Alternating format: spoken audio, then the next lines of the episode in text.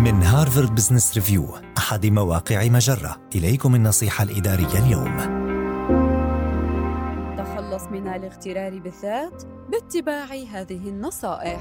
من المعوقات التي تقف حائلا بين كثير من القادة ونجاحهم ومن ثم نجاح شركاتهم اغترارهم بأنفسهم. ويعتبر التأمل الواعي أو اليقظة الذهنية طريقة للتغلب على الأنا في النفس الإنسانية وهو ما سيساعدك على التخلص من الاغترار في العمل. ابحث عن مكان هادئ وجلسة مريحة لفترة بين خمس وخمس وعشرين دقيقة لتبدأ مراقبة مراقبة شهيقك وزفيرك وحساب أنفاسك بذلك تسمح للعقل معايشة الإحساس بالانفتاح.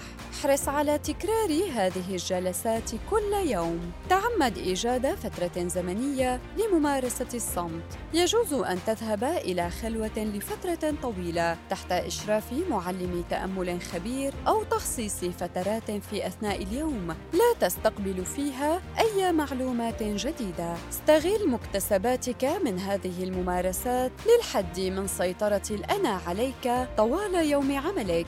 يمكنك أن تبادر بتهدئة عقلك بأخذ القليل من الأنفاس قبل دخول اجتماع أو قبل الاطلاع على رسالة بريد إلكتروني. هذه النصيحة من مقال ما يمكن أن يحققه التأمل لمهاراتك القيادية.